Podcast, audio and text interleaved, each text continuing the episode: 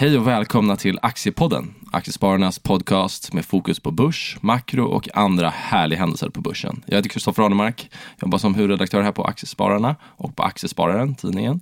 Med mig i studion idag sitter Jonathan Andersson. Jajamän, ingen Kalle. Ingen Kalle, han är i Egypten tyvärr. Just det. Så han kommer tillbaka om två veckor. Just det, vi kör ju eh, podd varannan vecka nu. Precis, det blev lite intensivt där som ni vet under hösten. Det blev ju eh, lite förändringar i hur vi jobbar på tidningen och Verkligen. Eh, med analyserna och arbetsbelastningen är ganska Mm. stor så eh, vi tänkte att vi vill fortfarande podda för vi tycker det är fantastiskt kul. Absolut. Men varje vecka, det tror vi inte att vi är riktigt mäktar med. Så varannan vecka blir det nu. Yes, Och därmed så blir det kanske dubbelt så bra var, precis. varannan vecka istället. Förhoppningsvis. Förhoppningsvis, precis. Vad har vi att säga om det gångna året då, 2019? Det finns mycket att säga. Mm. Eh, men nu känns det lite som, eftersom vi är på den här sidan planhalvan nu, så känns det som att man vill prata om 2020. Och det nya Mm, absolut. årtiondet, eh, det nya året framförallt. 2020, det låter som ett bra år, Mm. eh, spontant. Men eh, jag tänker att vi kan väl börja där. Det känns ju som att marknaden har ju börjat väldigt starkt. Och trenderna från 2019 ser ut att vara intakta åtminstone. Tror du att det blir ett plus eller minusår i år? Det värsta jag vet är ju att chansa på index. Ja, så man får väl säga plus mellan 5 till eh, 15 procent då. jag tror du skulle säga plus, minus eller sidledes. Exakt. Så har du täckt in alla Nej, svar. men eh, alltså generellt sett så eh, jag var inte superpositiv inför, inför 2019 heller om jag kollade på indexbasis så. Det är inte många som var nej, det. Efter precis. 2018 eh, i färskt minne. kollapsen. Ja, exakt. precis. Men, men däremot så, finns, så tror jag det finns en del eh, bra case där, där, där ute som man kan kolla på. Eh, vi har ju pratat mycket häl, hälsovård tidigare. Jag tror att det finns fortsatt bra möj, möjligheter där. Även fast vi fick ett upp, uppställ under hösten här 2019 så tror jag det finns en del bra bolag. Eh, både medtech men även biotech. Ehm, men annars kan jag väl inte påstå att jag är superhåsad till börsen i sin, sin helhet. Jag tycker att det har liksom spreadat isär lite väl mycket om man kollar på kon- konjunktur versus värdering och börs. Eh, Men eh, jag säger bara fortsättning följer, fokusera på att hitta bra case istället och göra min analys för dem och hoppas att det blir vägen framåt. Så tänker jag. Och de, de säger ju också att eh, marknaden är ju framåtblickande och ligger ju 6-9 månader före den reala ekonomin. Så förhoppningsvis om vi har börsen som ledande indikator då, så det gick ju fantastiskt bra 2019 så kanske kan makron börja vakna till liv 2020. Och det, Ja. vi ser ju viss, viss eh, stabilisering. Absolut. Eh, Men som du säger, det är ju, det är ju inte breda uppställ än så länge. Nej, alltså det är ju sån hög stimulans från alla centralbanker. Så det är, jag tycker det är svårt att bedöma vad det är som egentligen verkligen li- ligger bakom det här uppstället. Liksom. Jag vet inte, det känns inte helt trovärdigt. Och jag tycker det är lite intressant det där, för ett stort tema som vi hade i portföljen, vi började med det redan sent 2018 och sen så spelar vi mer och mer på det. Pratar du korta portföljen? Precis, i korta Yes. portföljen, vår kortsiktiga portfölj. Yes. Det var ju temat med realtillgångar eh, och eh, navet i, i, i den tesen, det var ju Lundbergföretagen, alltså Just investmentbolaget. Och Lundberg har ju utvecklats fantastiskt här. Eh, jag tror att den är upp 60-70 procent någonting Mm. sen, eh, sen jag började titta på det och sen vi köpte in den i portföljen. Och då kan man tänka sig att om ett tråkbolag kan sticka liksom 60-70 procent eh, på egentligen så är det samma substans som de har. Mm. Det har inte hänt mycket. Eh, Holmen, visst, Holmen har uppvärderats av marknaden. Eh, och fastighetssektorn har varit glödhet. Men ändå, det är fortfarande samma kåkar, samma skog. Eh, men det är 60-70% mer värt. Eller högre värderat åtminstone idag. Så, så det, det tycker jag att är ganska intressant. Eh, Och det enda kortet känns som folk spelar, det är liksom ränteläget. Liksom. ja, Eh, avkastningskrav, precis. För ja. om du hyvlar det så, så får du ju, när men du ska precis. diskontera de här kassaflödena så Men får det du... känns lite väl kan man ju tycka. Liksom. Jag tror att fastighetsindex var väl upp nästan 50, lite drygt 50 Ja. procent tror jag 2019. Och det kan man ju verkligen ifrågasätta om, om värdet på de kåkarna har stigit så pass mycket egentligen. Liksom. Det känns ju helt orimligt även och trots det ränteklimatet och avkastningskravet vi, vi har. Nu. För vi har ju haft det här ränteklimatet under en alltså lite längre tid nu. Så, så det är ju ingenting nytt som händer Mm. Nej, och 2019. vad- precis. Och vad var det egentligen som hände? Vi fick lite räntehöjningar, Precis. eh, vilket är lite lustigt också. Ja. Nej, men sen så tycker jag ett annat bolag som, eh, som jag skrivit om, det är Creades, Mm. eh, Sven Hagströmers investment, investmentbolag. Stängde faktiskt, det var ju det bästa investmentbolaget på börsen. Just det. Stängde det upp det. 90 procent. Ja, det är rätt starkt. Eh, Så, så det var ju också, jag, jag rekommenderar ju den i, i mars eh, 2019. Eh, och då, då, då skissade jag på att alltså portföljen var ju fantastiskt fin. Eh, men den enda pusselbiten som saknades var ju att Avanza, alltså nätmäklaren, skulle vakna.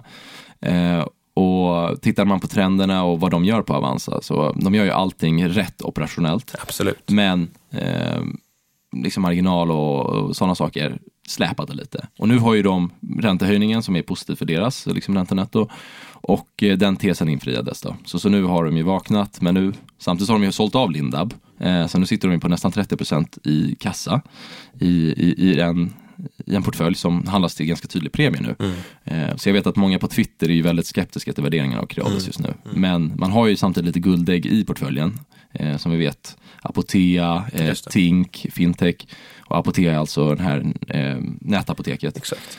Men ändå, det, det motiverar inte den eh, värderingsstegringen. Eh, så, så, att säga. Så, så den, den ska man nog vara lite försiktig med i, i, dagsläget. Mm. Så, fantastiskt bra äga på sikt, men om man tittar kortsiktigt, då pratar vi tre till nio månader, så tror jag att man kan vara lite försiktig med den. Så ni har plockat ur den i alla fall? Ja, eller, vi, vi har faktiskt inte haft den. Ni har inte haft eh, den i kortet alls? Det är lite okay. synd, för att eh, jag, jag, tittade på den där, men eh, Alltså den är ju, för att vara ett investmentbolag så är den relativt illikvid mm. faktiskt. Mm. Eh, så, så var, vi hittade inte riktigt ett, ett, bra läge att gå in. Eh, det fanns ett läge här under hösten, eh, men vi valde att köra andra, mm. andra spel istället. Så det blev mycket mer hälsovård under hösten. Men jag är lite nyfiken med tanke på att ni hade så pass bra för, för, föregående år. Så hur, hur tänker ni nu när ni kliver in i 2020? Hur ser portföljen ut i dagsläget? Portföljen är ju fullinvesterad nu yes. eh, och jag tycker att vi har en bra mix. Mm. Alltså, som du var inne på tidigare, det är alltid svårt att göra gissningar liksom, på indexnivå. Ja, men, ja, Samtidigt så är det ju faktiskt det som till syvende och sist ofta bestämmer mm. kursutvecklingen även i enskilda innehav. För att när det är sämre tider och börsen går ner kraftigt, säg 5, 15, 20 procent på kort tid, då tenderar ju korrelationen att gå mot ett. Så att alla innehav går ner, mm. eh, oavsett om du har olika sektorer. Eh, men man kan ändå försöka hitta vinnarna som kan stå emot. Eh, och det tycker jag ändå, vi har, alltså vi har ändå en bra mix nu. Vi har ju alltid från eh, industribolag till Ja, Lundberg är fortfarande kvar i portföljen. Vi hade ju mycket fastigheter tidigare. Platser, Wihlborgs, eh, Fabg som de har ju åkt ut nu. Och så har vi realtillgångar, SCA också. Eh, och Tetis Oil är ju nytt innehav. Eh, så oljebolag. Eh, jag har gillat Lundin Petroleum länge. Men jag tyckte, jag tyckte Tetis Oil såg väldigt intressant ut för mm. tre veckor sedan ungefär. Eh, det var sista inlägget innan, innan julen. Eh, och nu har ju den stuckit som tusan efter ja, allt som har hänt i Iran och eh, Irak. Och med USA, spänningarna i Mellanöstern.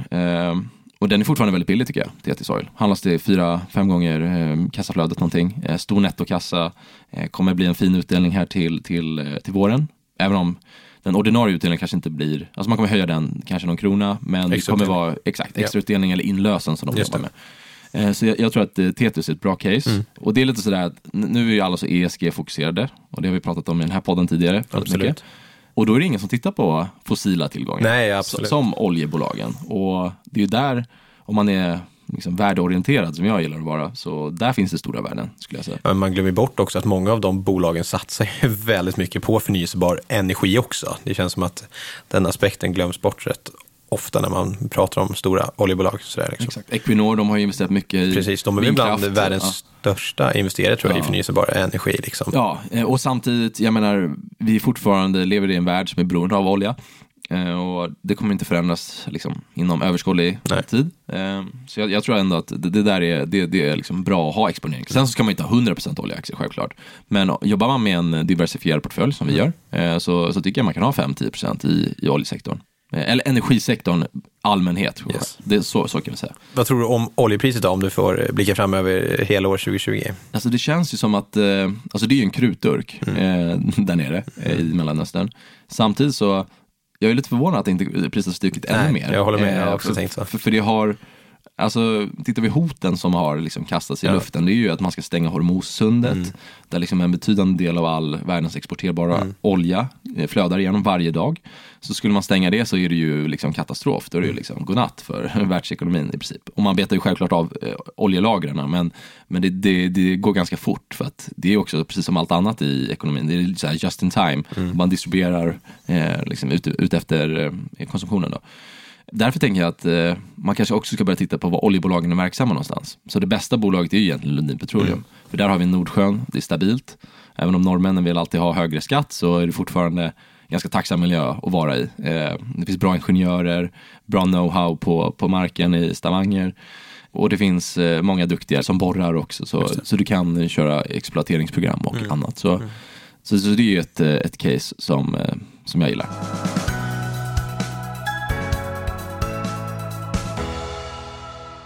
Nog om eh, olja korta portföljen. Ja. Vad är aktuellt just nu då på Aktiespararna? Vad, vad Just händer? nu, det är full Tidning. rulle med tidningsproduktionen. Just Eh, det är mitt eh, andra nummer som Just det. huvudredaktör. Eh, och jag tycker att, eh, ja nu är jag självklart partisk här, men jag, jag tror och hoppas att det kommer bli det bästa numret någonsin. Spännande. Så lagom cliffhanger. Eh, Exakt. Kan vi få något, eh, vad är det, tema? Eh, temat är ekonomisk frihet eh, och hur man når dit. Eh, alltså ekonomiskt oberoende i allt väsentligt. Eh, så, så det är fokus. Och sen så har vi faktiskt också hälsovård.